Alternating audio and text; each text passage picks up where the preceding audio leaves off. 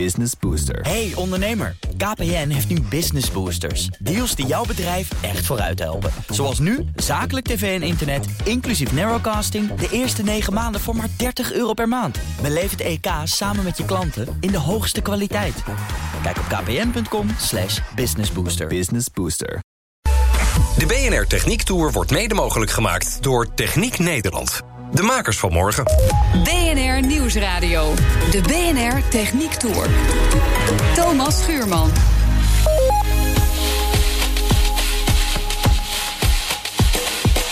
We gaan het hebben over de techniek achter pakketbezorging. Al jaren bestellen we meer en meer. En die groei zal alleen maar doorzetten. Alle hens aan dek bij de sorteerders. Goedemiddag. Ik heb een pakketje voor u. Jij en ik kopen gewoon steeds meer pakketjes. Prijs en volumes nemen toe. En de nieuwe feestdagen, Singles Day, Black Friday, Cyber Monday...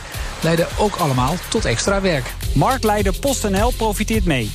In het eerste kwartaal dit jaar steeg het volume met 16% Het een na het andere sorteercentrum wordt gebouwd om de groei bij te houden. En er komen kleinere, sterk geautomatiseerde centra voor kleine pakketten. In Nieuwegein staat het momenteel grootste sorteercentrum van het postbedrijf. En we spreken met depotmanager Michel Palm. Ja, dan kijken we uit uh, over de hal en uh, zien we meteen gaan, hè, de band. Ja, hij gaat uh, als de brandweer. Dit is een, Hoe hard gaat de band eigenlijk? Die Snel? gaat zo'n 2,4 seconden per meter. Dat was maal 3,4 dacht ik altijd, of 3,6 van een natuurkundeles als je naar kilometer per ja, uur ja, wilde. Ja, ja, en geluid 3,14. Zo ken ik er wel een paar. Ja. Dat, nee, wat, wat wij nu hebben is een sorteermachine met 12 opvoerplekken. Daar zien we dus mensen die uit een kar een pakje op de band leggen. Juist, met uh, het label, dus de adresdrager naar rechts of naar boven toe. Want waar we naar kijken is uh, een groot apparaat met een soort TL-verlichting erin. Ja, die uh, boven die band staat. Boven de band. Die leest de barcode, meet de omvang, dus lengte, hoogte, breedte, volume. En weegt het pakket. Dus... En dat doet hij echt in een fractie van een seconde. Want als hij met zo'n 10 km per uur voorbij raast... Ja. Dus uh, 2,4 meter per seconde leest hij dit. En daarmee bepaalt hij op welke goot hij moet vallen. Dit depot heeft 58 goten. Dus er zijn 58 van die plekken. Uh, waar ze uiteindelijk naartoe gaan? Waar ze uiteindelijk uh, naartoe gaan. De pakketten worden niet op de band geschoten. Wat is geschoten? Ja, ik kan nou, me wel iets bij voorstellen. Maar, maar ja, worden niet opgeduwd door zwaartekracht. Mm -hmm. Maar worden keurig netjes opgerold. Ja. Onze machine heeft ook, dat noemen we gentle handling.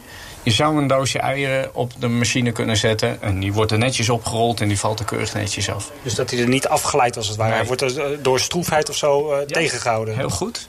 En aan de goot, het laatste deel van de goot... dus waar het pakket uiteindelijk bij de bus terechtkomt in dit mm -hmm. geval... daar zit een band. Die kan de chauffeur in de auto trekken.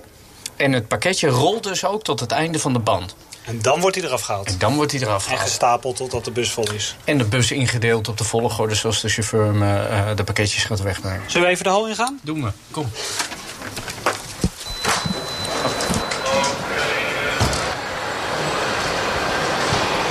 Maar eigenlijk wat je ziet is dat het een U is.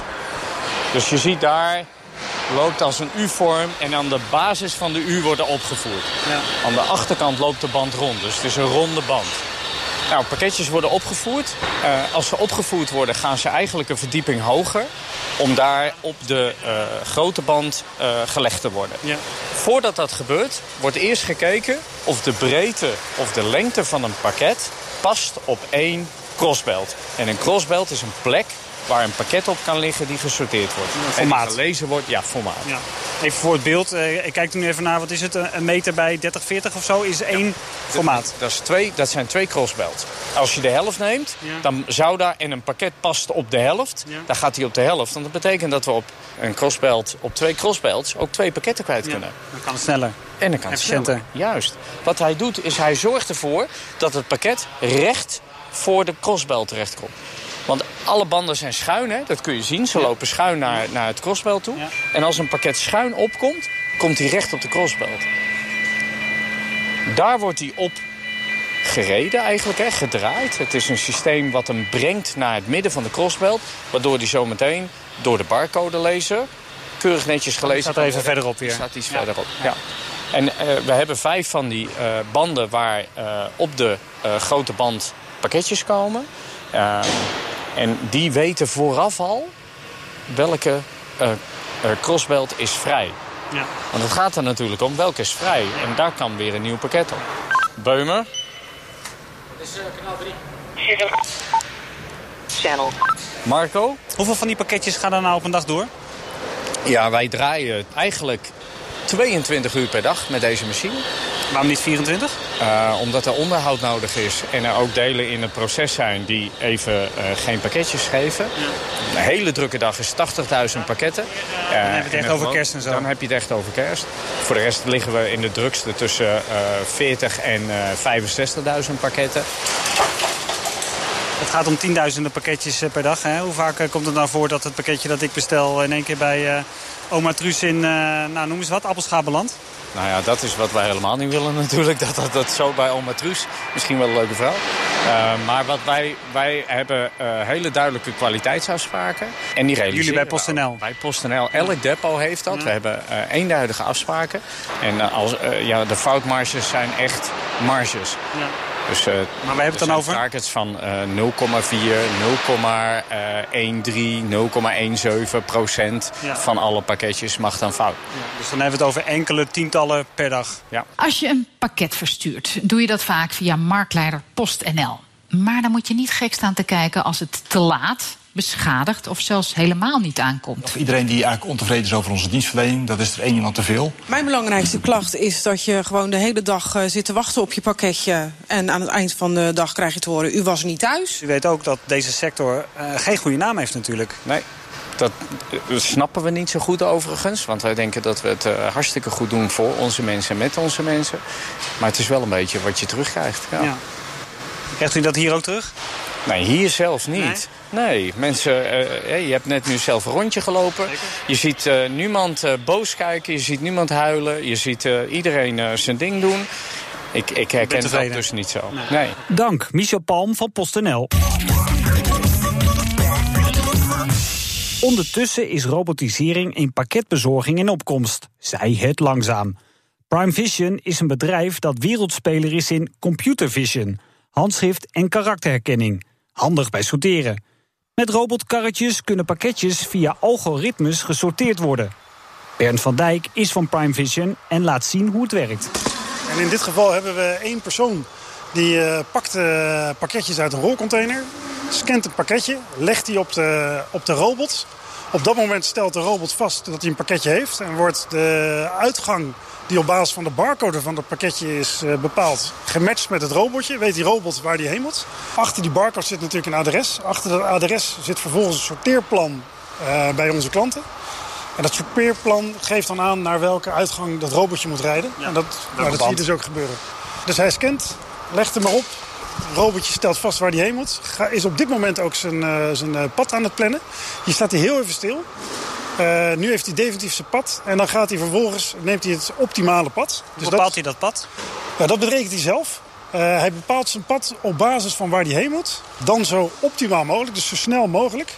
Maar daarbij houdt hij wel rekening dat als er andere uh, robotjes al een deel van het pad hebben geclaimd... En dan zal hij net een kleine omweg nemen om zodoende alsnog zo snel mogelijk aan de andere kant zijn. Maar dat het systeem wel optimaal blijft werken. Want ik zie er daar twee passeren. Er zit een half metertje tussen of een metertje maximaal, minimaal zoiets? Ja, dat kan zelfs minder. Dus hier, deze was zelfs maar 5 centimeter. Dus maar dan wacht hij ook eventjes. En dan is dat blijkbaar uh, de beste methode voor, dit is dan robotje nummer 4... om zo snel mogelijk van weer naar zijn plek van bestemming te komen. Want er zit hier voor de duidelijkheid in de hal waar we staan niks in de vloer of zo. Hè? Ze berekenen het echt helemaal zelf? Ja, we berekenen het helemaal zelf. We zeggen wel eens dat we een uh, waanzinnig intelligente robot hebben gemaakt voor uh, niet al te veel geld. Ze navigeren ook op de vloer. Dus we samen met een partnerorganisatie hebben we een uh, camera op de grond. en die camera op de grond die bepaalt eigenlijk van de patronen in de vloer waar die werkelijk op de vloer is. Het is eigenlijk een soort één grote landkaart, die, uh, die vloer. Want hoe weet hij bijvoorbeeld waar die banden staan... waar de pakketjes uiteindelijk uitgerold worden? Want daar zie ik verder geen elektronica in. Nee, ja, dus een van de uh, complexere zaken uh, die erin zit is... je hebt een virtuele wereld... En je kunt even met me meekijken, want als je daar kijkt op het scherm... zie je ook ja, ja. de virtuele wereld. Ja. Daar zie je feitelijk wat, er, wat de robotjes denken wat er allemaal gebeurt. Dat gebeurt ook in het echt. Maar vervolgens wat je onder andere voor elkaar moet krijgen... is dat je de virtuele wereld daadwerkelijk op precies dezelfde plek hebt als de werkelijke wereld. Maar nu is het vrij makkelijk om dat te doen. Dus we weten zeg maar, op 5 centimeter nauwkeurig als we dit neerzetten... als we, als we de virtuele wereld neerzetten, hoe we het ongeveer neerzetten. Zien we zo'n robotje langskomen en dan zeggen we... oké, deze nog eventjes 2, 3 centimeter die kant op en dan staat het. Dus de afstelling is wel van belang van tevoren?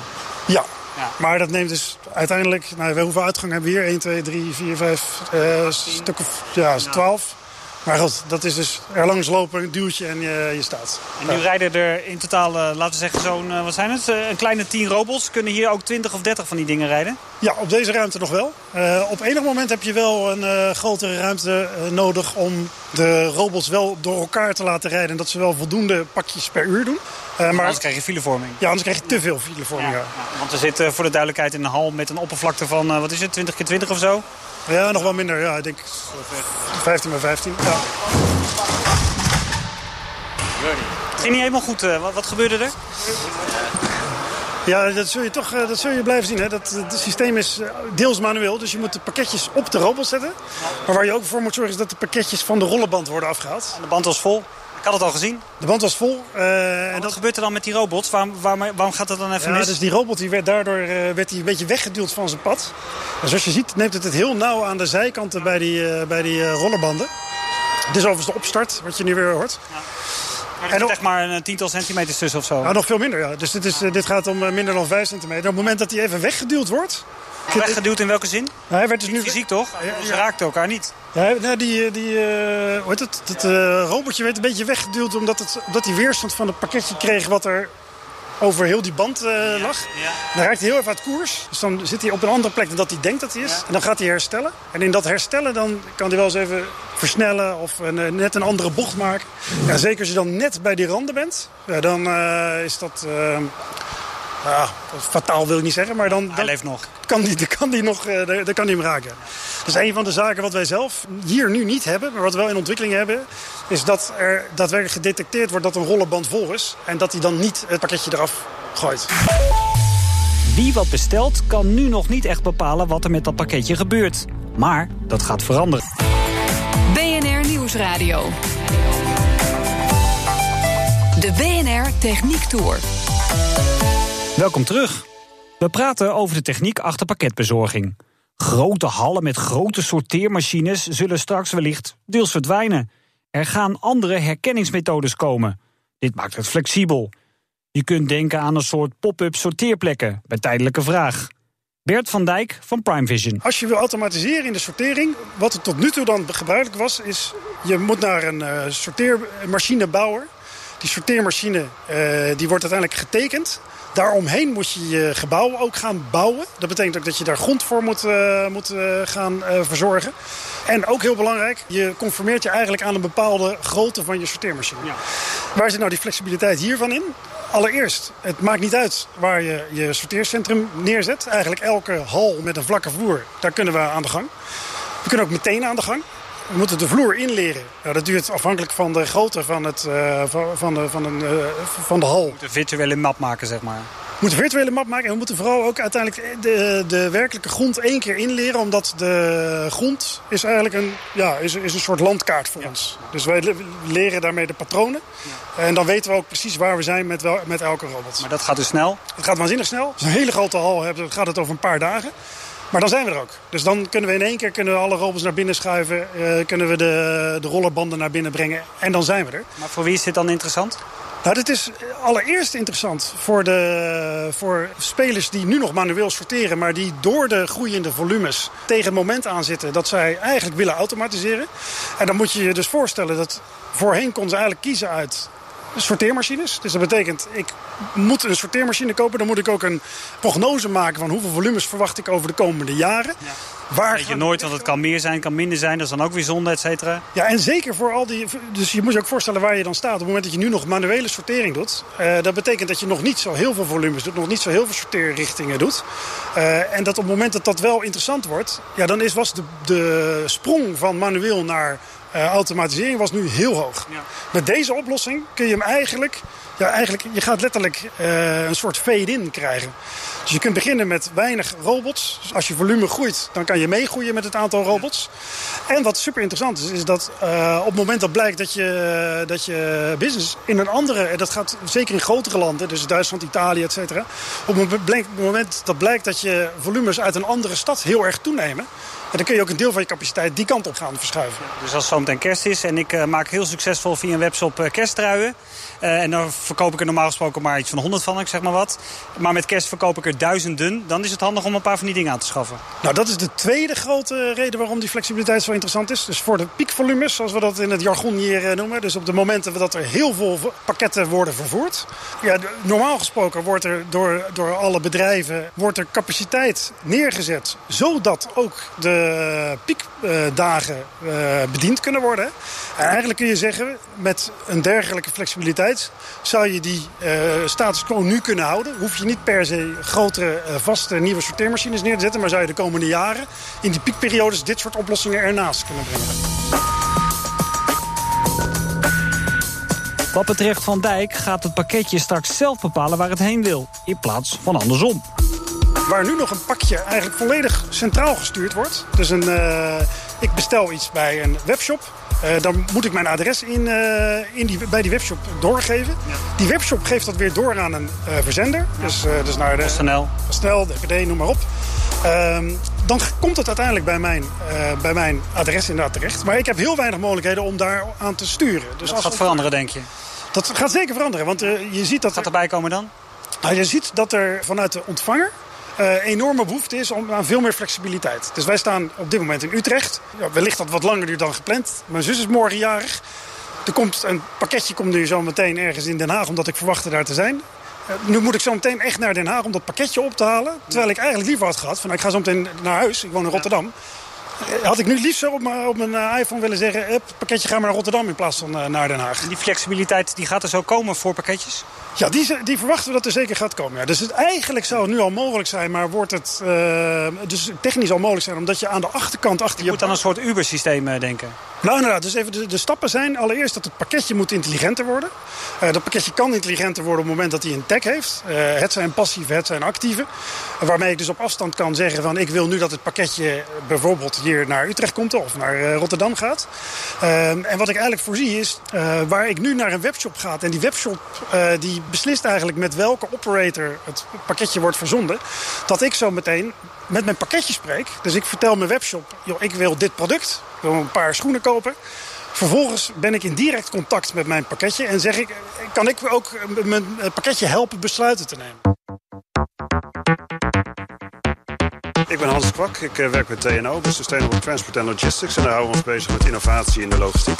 Ik heb een uh, paar brieven meegenomen. Ik denk, we hebben het over pakketjes vandaag. Uh, en uh, in de brief ook een paar vraagjes. Kijk, ik ga eens even een brief openmaken. Mooi. Toch een ouderwetse manier van communiceren, zo'n brief. Ik ga eens even kijken wat, er, wat erin zit. Er staat hier uh, een vraag voor mij en dat is... Uh, wat is de rol van TNO bij onderzoek naar techniek in de pakketbezorging? Wij kijken in de logistiek naar op welke manier innovatie de komende jaren de logistiek kan helpen. En dat is, het systeem is aan het veranderen. Dat komt door verschillende ja, krachten vanuit en het veld... maar ook vooral vanuit bijvoorbeeld de pakketindustrie groeit enorm hard. Dus ja, dat, zorgt al voor verandering. En wij kijken dan ook van, gegeven dat het verandert... hoe kan het systeem zo een kant op veranderen... dat het bijvoorbeeld ook zo duurzaam mogelijk is. Er wordt nu al heel veel geklaagd over bestelbussen in wijken. In ieder geval, ja, mensen vinden dat vervelend. Ja, en dan denken we ook na van op welke manier zou je nou met minder bestelbussen... eigenlijk die ontvangers nog beter kunnen bevoorraden. Is er ook een techniek waar je dan op dit moment je meer mee bezighoudt? Ja, niet... Is iets waar jullie bijvoorbeeld in geloven? Ja, wij geloven dan eigenlijk in een toekomstbeeld van een wat meer zelforganiserende logistiek. Waarin het pakketje heel erg bepaalt uh, welke route die gaat nemen. En eigenlijk niet zozeer het pakketje, maar de ontvanger zelf. Nu heeft die ontvanger heel weinig te zeggen. Soms krijgt hij een paar opties. En dat is het. En heel veel ontvangers die willen het niet per se de volgende dag. Die willen het niet bij de buren. Of de buren willen het niet meer ontvangen voor, uh, voor de buren. Uh, die willen het liefst ja, zeggen van geef het gewoon één keer in de week als ik er ben. Dan zes keer in de week op een moment dat ik er niet ben. Dus we zitten veel meer op de kant van hoe kan je nou als ontvanger dan ook kijken en sturen dat het zo komt zoals jij het wil. En hoe onderzoek je dat? Ja, eigenlijk, uh, dat is een hele moeilijke, maar dat is de wat langere visie. En dan kijken we met bedrijven, onder andere uh, met, met DPD bijvoorbeeld... van zijn er nu al kleine stukjes te bedenken waarop je dat zou kunnen doen. En wat is daar dan voor nodig? Enerzijds qua uh, architectuur en hoe ziet dat er dan uit qua aansturing. Maar anderzijds ook, ja, hoe gaat de klant überhaupt uh, reageren of een ontvanger? Want ja, je kan dus wel een ontvanger een keus geven. Maar als iedereen dan zegt van nou, kom maar tussen bijvoorbeeld uh, 7 en 8 s'avonds... want dan ben ik thuis. Ja, dan gaat het helemaal fout. Dan moet je bijna één chauffeur per pakketje naar die klant laten gaan. Dus het is ook onderzoeken van hoe gaat zo'n ontvanger reageren. Welke ontvanger en hoeveel ontvangers kan je wel die vraag stellen. En bij hoeveel zeg je, nou ja, dan doen we dat maar niet. Ja. Zodat de logistiek ook nog enigszins efficiënt gebeurt.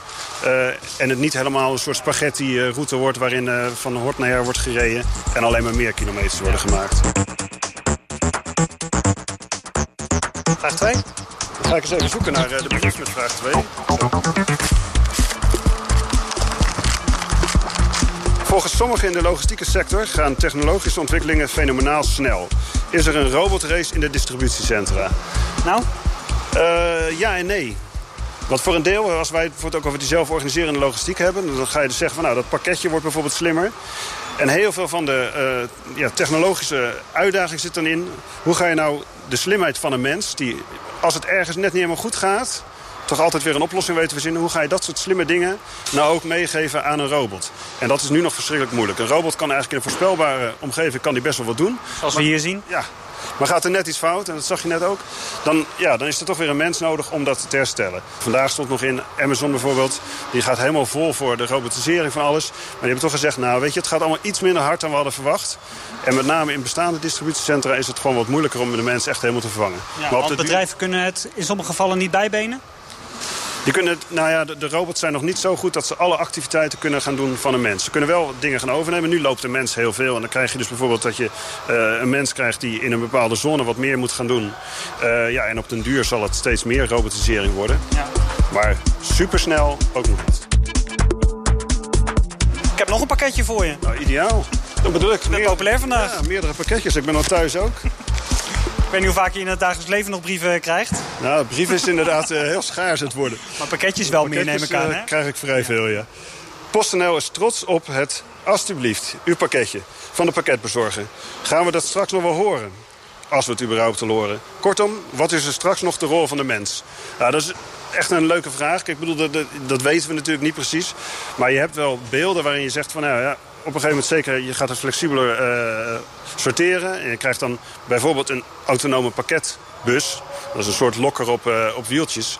Die rond gaat rijden. En op een gegeven moment, ja, als die bij jou voor de deur staat... gaat hij communiceren. En dan krijg je op je telefoon een berichtje. Ja. Ik sta bij jou voor de deur. Nou, ja, je code en kan je hem openen. Kan je, ja, kan je openen. Dus dan moet je hem zelf gaan halen. Nou, dan kan die automatische pakketkluis zou natuurlijk nog wel heel netjes kunnen zeggen... alsjeblieft, hier is uw pakketje.